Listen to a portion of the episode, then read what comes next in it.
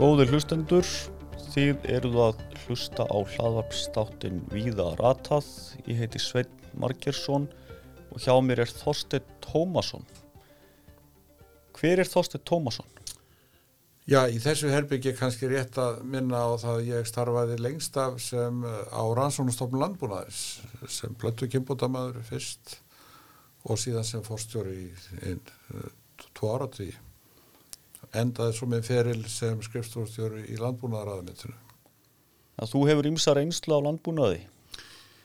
Já, sko, eins og gerðist og var týrkast á þessum tíma þá var ég í sveitasöfnun byrjaði reyndar með ungur uh, þar að segja ég var hjá föðursystu minni á haldóstöðum í Borðardal og hennar manni uh, frá fimm ára aldri til nýja ára aldurs og síðan var ég vann ég á var ég sveit hjá Sigvati Arnósinn og hans konu Margreti á miðusmi biskustungum í einn fimm ár, fimm sömur svona sömastrákur að þú hefur reynslu af, af sveitastörfum og þú hefur líka reynslu af rannsóknum og nýsköpun í landbúnaði, ekki satt? Jú, áhín á landbúnaði og gróðri sérstaklega hann eh, svona helgaðist af þessu, þessum æsku áhrifum og eh, eftir stúdensprófa þá fór ég til náms í landbúnaðafræðum í Aberdeen eh, í Skotlandi, áskólanum þar og sér hafði mig í svona blöttu heiminum jarðarækt og kimbótum ég myndi kalla það að áherslan hafa orðið svona á blöttu kimbætur og erða vistfræði og síðan uh, hóf ég störf á Rannsfónastofnun landbúnaðaris 1970 og svo samhliða starfið þar uh, fór ég í ákveði námi uppsölum, landbúnaðarháskólinu uppsölum. Samlega námi og, og vanna verkefnum tengdum því. Þannig að það má segja að þú hafi reynslu já, úr Skandinavíu af Bresku eigunum og svo hérðan frá Íslandi. Að til vilja víðar. Já, þetta er nú svona megin, megin áhrifavaldarnir og ástæðan fyrir því að ég sótist eftir að fara til Skotlands er að ég þekkti vel til í Skandinavíu þar sem að móðum ég var sænsk maður fannst skemmtilega að fá þarna glugga inn í anglósaksneska heiminn. Og hvernig finnst þið þessi reynsla að hafa nýst? Nú varstu hjá rannsóknu að stofnu landbúnaðarins sem að oftast er kvöldu rala, ekki satt? Jú. Varst þar bæði að rannsaka og forstjóri? Já. Ég tel að hún hafi reist vel. Stofnu landbúnaðarins var mjög spennandi stofnun að vinna í. Þar voru menn sem hefðu sótt sér þekkingu víða að í heiminum frá Bandaríkjónum, frá Breitlands, Þískalandi, Sviss og Norðurlöndunum. Þannig að þetta var svona ákveðin já, hópefli sem skapaðist. Þannig að þetta var mjög spennand og skemmtilegu vinnustöður. Svona suðu pottur landbúnaðar ansókna á Íslandi? Já, já og með ótrúlega vitt tengslanett vegna þessa, þessa fjölbreytilegu aðkomu og tengsl út um allan heim, út frá stofnunni mikil samstarf þá við bændur eða var þetta meira svona innan þessara stofnunar? Ég tel nú að það veri mjög gott samstarf við bændur og, og, og það kannski bara jógst frekar en hitt, það reyndar mikið samstarf við sko, leifinningaþjónustuna árlegir uh, ráðunetafundir eins og eru kallaðir. Uh, starfsmenn á, á Ráðsvonstofn landbúnaðins tóku yfirlega þátt í kennslu på kvannir líka, ekki byrjaði minnferil þannig. Á fyrsta degi sem ég starfaði þarna verkefnaráðin var ég kallaði til ráþar sem sagði við mig þú átt að kenna á kannari og það varð úr. Ég kendi þar og, og sé ekki eftir því. Það var verulega gaman og, og, og áhugavert að það kynnast og kynntist þetta mörgum einstaklingum sem ég átti eftir að vinna með í framhaldinu. Ef við horfum til stöðu landbúna að rannsókna bæði í heiminum, nú veit ég að þú hefur synt líka embættisstörfum tengt ímsum lemdum alþjóðlega og svo þessi reynsla þín hjá Rala. Hvernig metur þú stöðuna í dag bæði á Íslandi og svona heilt yfir? Það verður alltaf orðið svo mikla breytingar sko, það er við erum ofta að gantast um þetta sem í félagar sem að störfuðum í þessu áður að maður er kannski fara varlega að, að hafa skoðun á því sem er að gerast núna. E, og en, en það er mikil degla eins og er. Og persónulega finnst mér kannski að að við eigum íslendingar og reyndar fleiri þjóðir í vanda með nýliðun á mörgum sviðun sem voru mikilvæg okkar tíma og eru mikilvæg ennþá. Það að þar er, er sko kembætur hluti af því, smitt fag. En ég get nefnt sko fóðufræði margar lið í búfjárakt og svo framvegs sem að þar sem að nýliðun er erfið ekki bara á Íslandi. Og þá í rannsóknunum sjálfum rannsóknum og, og nýsköpun. Og þessi tenging kannski á milli rannsókna og, og bænda? Já, það er náttúrulega fleiri aðilar sem koma að þessu, það má segja fyrirtæki sem stundar viðskipti við bændur eru mjög mikilverk í að beina þekkingu inn í atvinnuvegin en, en þetta er, það er mikil degla og, og menn eru ekki alveg búin að fóta sig held ég hvernig þið vilja að þetta þróist Ef að þú fengir nú að ráða, hvernig sæjur þú þessa hluti þróast? Ég, ég sagði að það er mjög hæpið fyrir fyrirrandi fórstjóra messa en, en að, á einhverjum tímapunkti held ég að menn ætti að taka út uh, gera svona smá útækt á því hvernig til hefur tekist við þessar breytingar sem örðu þeirra til dæmis já það eru miklar það eru þeirra hérna uh, Rannsónstofn landbúnaðarins landbúnaðar háskólan á Kvanneri og Garðekjurskóli Ríkisins í Ölfusi Reykjum í Ölfusi saminuðust í landbúnaðar háskóla Íslands. Þetta voru umfarsmikla breytingar. Á sama tíma hafði líka leiðbynninga þjónastan tekið miklum breytingum. Væri kannski ástæði fyrir landbúnaðinn atvinnuvegin að, að, að, að svona eh, koma að uh, endurskoðun eða einhvers konar mati á því hvernig til við tekist og hvernig þetta þjónar landbúnaði svona núna? En Þú hefur engar í rauninni svona, það er engin skýr sín sem að þú hefur á hverju rétta leiðin fram á við? Eins og ég sagði, ég ætla að fara varlega í, Fara varlega, að, já, já. fara varlega í því að lýsa henni en, en uh, ég sakna vissra þátta en það kann að vera bara minn takmörkun sko. Það má nú ræða um það, það sem að saknar ekki satt. Jú, jú, það má ræða það en, en um, þetta hefur verið held ég nokkuð afkasta mikið nýsköpunar starfsemi sem hefur átt sér stað. Það verður geysilega breytingar orðið? Já, Uh, Nú veit ég að þú ert talandi um breytingar, þú ert líka áhuga að vera um skórækt og kynbætur. Já. Það á því sviði. Já, svona eftir að ég fór meira yfir í stjórnun þá held ég mér nú kannski við fælega með þessa áhugamál. Og ég hafði lengi áhuga á skórækt og hef enn og fannst að, að þessi fræðigrein sem ég hafði numið og, og unnið í í bæði grössum, korni og öðru slíku e, gæti gagnast og ætti að gagnast í skórækt engur síður. Skóurinn er, er svolítið setni að koma inn í þessar almennu kimbóta starfsemi en, en, en aðra nýtjajurtir ef við tölum um þróun landbúnaðar 10.000 ár tilbaka þá má segja að það hafi verið stundaði kimbætur á helstu, helstu nýtjaplöndum tökum kornið sem að byrja einhver staðar í Írak eða einhver staðar þar eða Jericho og, og, færist þaðan svona um 300 metra ári til norðurs til dæmis. Einn búndi tekur við af öðrum og, og tegundi þróast. Uh, þetta er löngsaga, þetta eru kimbætur mæs uh, eða korn, já mæs ræktun í Ameríku er líka 8000 ára gömul. En skóurinn hann byggðist kannski, nýting hans byggðist á með að fóru til skó og hjöku tré og síðan var þetta einhver sjálfgræðsla, það kom nýtt tré í staðinn og það er kannski 200 ár síðan að menn fóru svona með markvissum hætti að, að velja tré í, með kimbútum og, og, og vaksandi mæli að beita sömu aðferðum en hafa notað í öðrum tegundum. og sérðu möguleika í þessu? þegar við erum að flytja sko við erum að rækta skóg með notkun á erlendu erðaefni flytjum hingað inn föru og aspir og tegundir sem ekki ekki hafa valist í íslensku umhverfi þá næst mikill árangur með kynbótum. Sko fyrsta skrif kynbótan er nú það sem hefur farið hefur verið að velja það sem hefur kallað kvæmi. Þar að segja eitthvað, erðamengi, eitthvað staðbreyði innan ákveðna tegundur menn ákveða að prófa ákveðna tegund með velja og prófa margar mörg kvæmi til þess að finna það besta.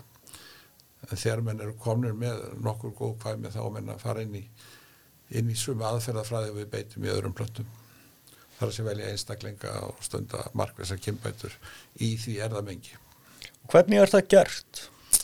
Já, þetta er nú engi stór engi stór galdur sem er að velja bestu einstaklingana og vikslaðum saman og velja úr afkvamunum afkvamaprófa einstaklinga og... En þegar þú segir viksla, hvað áttu við?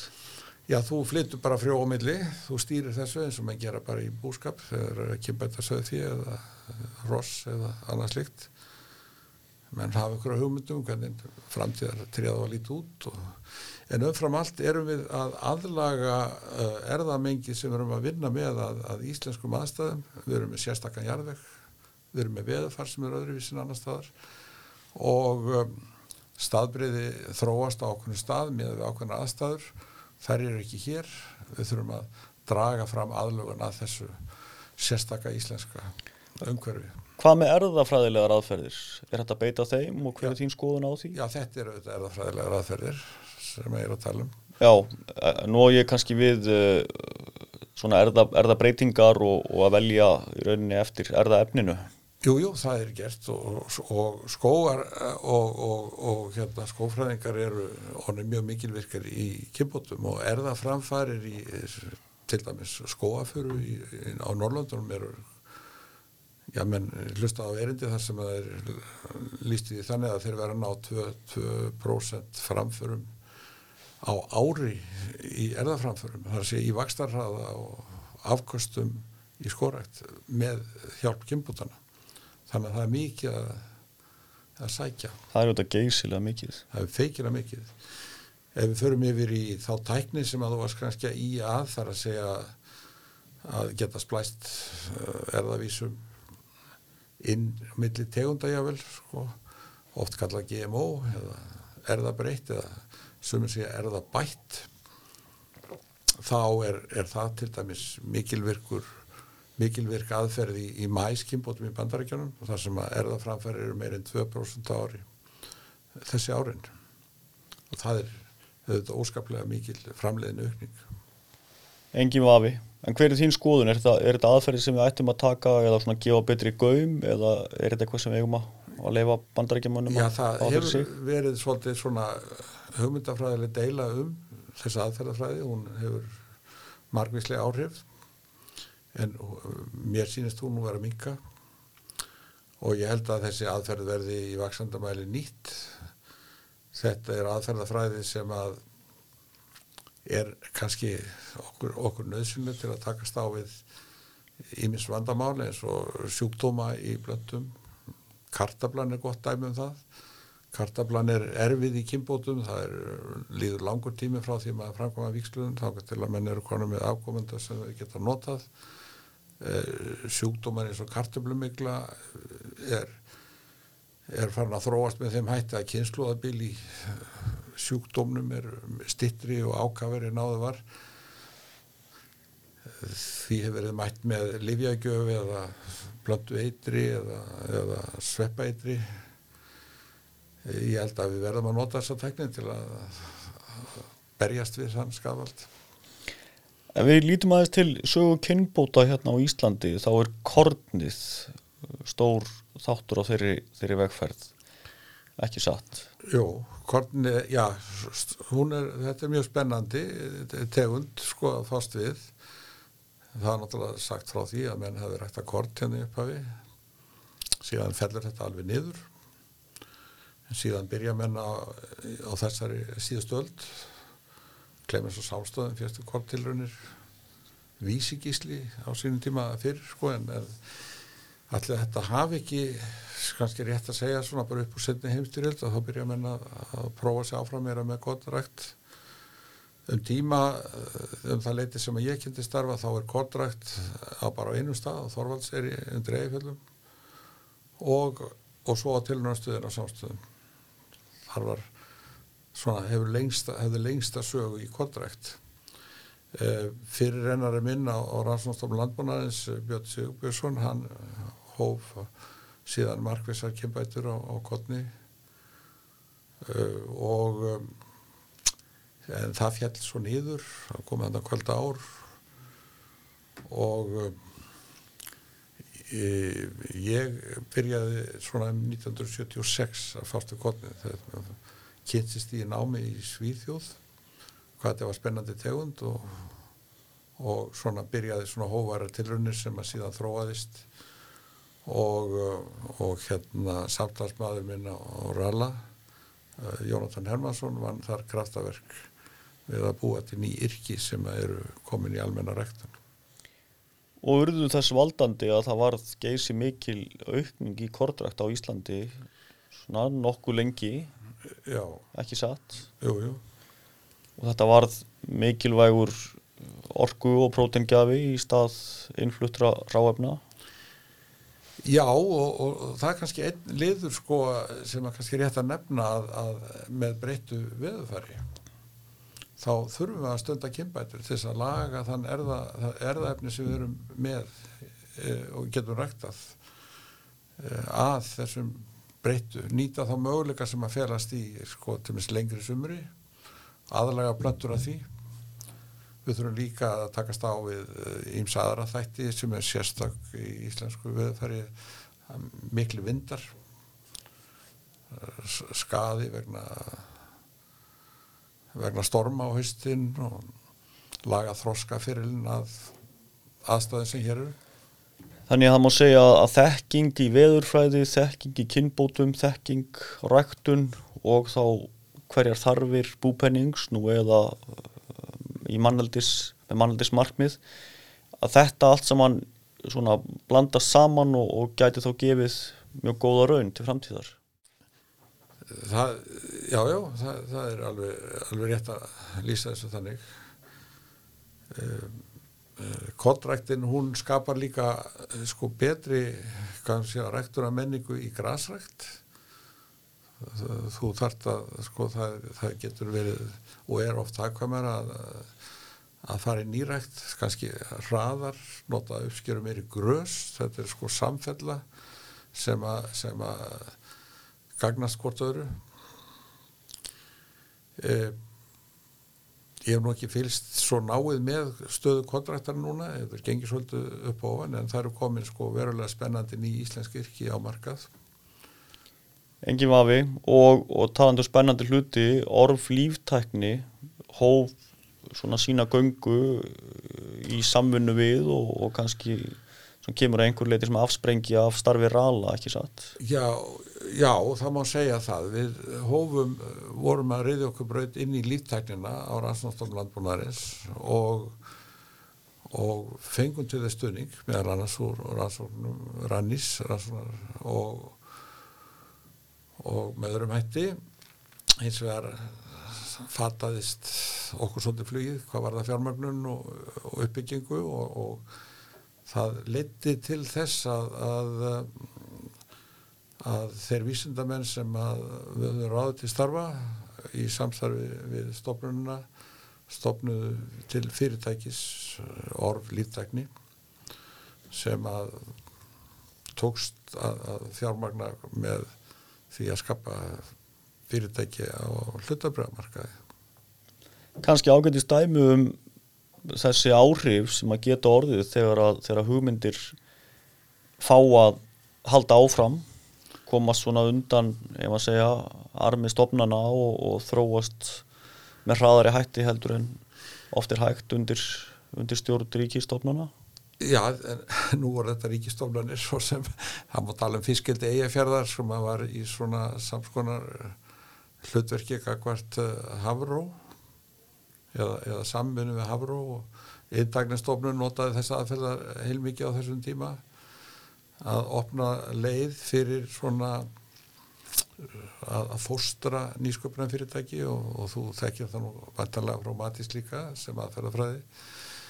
En þetta, þetta var fyrsta æfingin okkar að fara út á þennan uh, út af í þessa vegferð. Og uh, ég er mjög sæl með það að hafa fengið að taka þátt í því. Mjög áhugavert fyrirtæki í dag. Já, mikil þekking með innan líftækni svona kynbóta geirans engin vafi. Ef við horfum nú aðeins til framtíðar.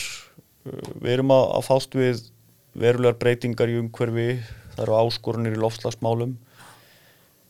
Nýliðunin takmörkuð segir þau í, í rannsóknar hlutanum svona hvaða ráð hefur þú ef þú lítur á þetta í, í stóru samhengi með þína reynslu að baki já, ég sagði nú kannski það væri á einhverju tímapunkti ástæði til þess að, að gera svolítið greiningu á ástandun eins og það er og, og, og móta stefnum til framtíðar og hvernig lítur svo stefna út ef að, ef að svona bara þú notar þitt eigið hyggjuvit Já, það er stórt spurt. Ég eh, er, ætla nú að vera varkár í því að, að, að leiðbeina það er til komið ný þekking sko og, og, og ný efnistök og ný tækni. Þannig að, að ég ætla svona aðeins að fá að, að halda mig til hlés í því að, að segja hvernig nætti að fara að þessu. En, en eh, ég held að mér komist nú ekki hjá því að beina sjónunum svolítið að þessum, þessum grunnfræðigreinum sem eru nöðsynlegar í íslensku landbúnaði. Og ég nefndi nokkur þeirra sko innan sviði, innan jarðræktar og búfjörræktar. þannig að ný tækni í bland við þessar grunn, grunnfræðigreinar í öllu falli þarna eitthvað sem passar í þessu auðskrift og uh, þetta er, það, það er svo margt að breytast í sko bæði þekkingarmiðlun og kerfi og, og, og námi. Maður veldur stundum öngum yfir því hvernig fara menn að ef þeir hafa aldrei eh, verið út á agri en gengið um í hvítum slopp allæfina og fengið til tilhörnuglös en, en þekkja kannski ekki plöntuna sem er að rekta það, það þarf að vera svona einhver tenging þarna á milli. Þessi praktíska tenging og praktíska reynsla skiptir máli. og, og ég dáist nú að mörgum bændum hvað eru duglir að afla sér þekkingar og, og, og framkvæma hluti furða mig ofta á því meiri segja hvernig í óskupunaði fór að þessu. Þannig að það er kannski uh, hvað maður segja, vísindamaður landbúnaðarins til framtíðar. Það er bóndi sem að afla sér þekkingar. Ekkert síður en einhver sem fær formlega mentun en hefur ekki reynsluna af það þarf að vera landbúnaðarstörfum. svona í, í he heppilegri blöndu. Er það ekki ágætt að enda þetta spjall bara á því að, að tengja saman þessa blöndu praktískra bænda í þekkingarleit og svo vísindamanna sem að vilja ná praktískri tengingu við bændur? Já, þú nefnir nú kottræktina, sko, þar tókst sko vel til eh, ymmit í mjög nánum samstarfi við vatnuvegin. Magnús Fimboðsson og Lágafelli var nú mikill frumkvöðl og, og, og við náðum mjög góðu samstarfi við hann og bændur á Suðurlandi með tilraunir hjá bændum og, og, og þróa kottræktina áfram. Þetta var, mjög spennandi. Það er náttúrulega frumkvöðlastarfi á Þorvaldseri hjá eh, Ólafi og föður hans Egert. Eh, Sko, sem að var svona ákveðin þekkingagrunnur sem að nýttist vel. Eh, Við fórum út í það að vera með dreifðar tilraunir mikið hjá bændum, hvort ræktunartilraunir eftir því sem að hægt var og það smitaði svolítið út frá sér. Ég held að það hefur verið gott dæmi um mjög öflugt samstarfs atvinnuvegar eins og, og fræðana. Engin vafi og þessi frumkvöðla hugsun sem þú nefnir, skiptir hún máli? Já, já, hún, hún skiptir máli og, og eitt sem að kannski maður þarf alltaf að passa sig á sko, það er þessi þessi áhugi að, prófa eitthvað nýtt. Stundum er það gert í kannski meira kappi en fórsjó menn fara kannski sjá kannski eitthvað spennandi efni við ellendis og vilja endilega prófa hann. Stundum er það ekki alltaf raunhætt og stundum gengur það í góðu ári en tapast svo í slæma ári. Maður þarf aðeins að ræktunar öryggið verður að vera þáttur í allri, að, allum svona rækt, allri ræktun? Uh, ég lendi nú til dæmis í því að, að, að búa til yrki af vallafóksgrassi sem var mjög vetralhólið en það gaf litla há. En öryggi var meira. Og svo er það bara spurningi hversu spennandi er öryggið að móti hámas uppskjöru í góðum árum. Er þetta eitthvað sem við gleymum of oft að velta örygginu eða þessum viðnámstrótti fyrir okkur?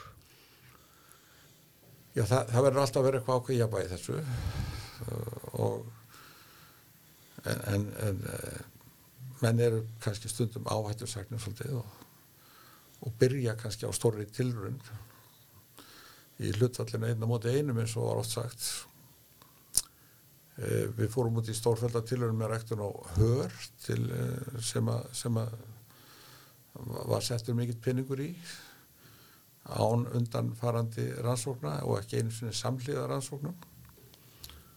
Það, það, þetta er ómikil áhætta. Við, við byrjuðum líka uh,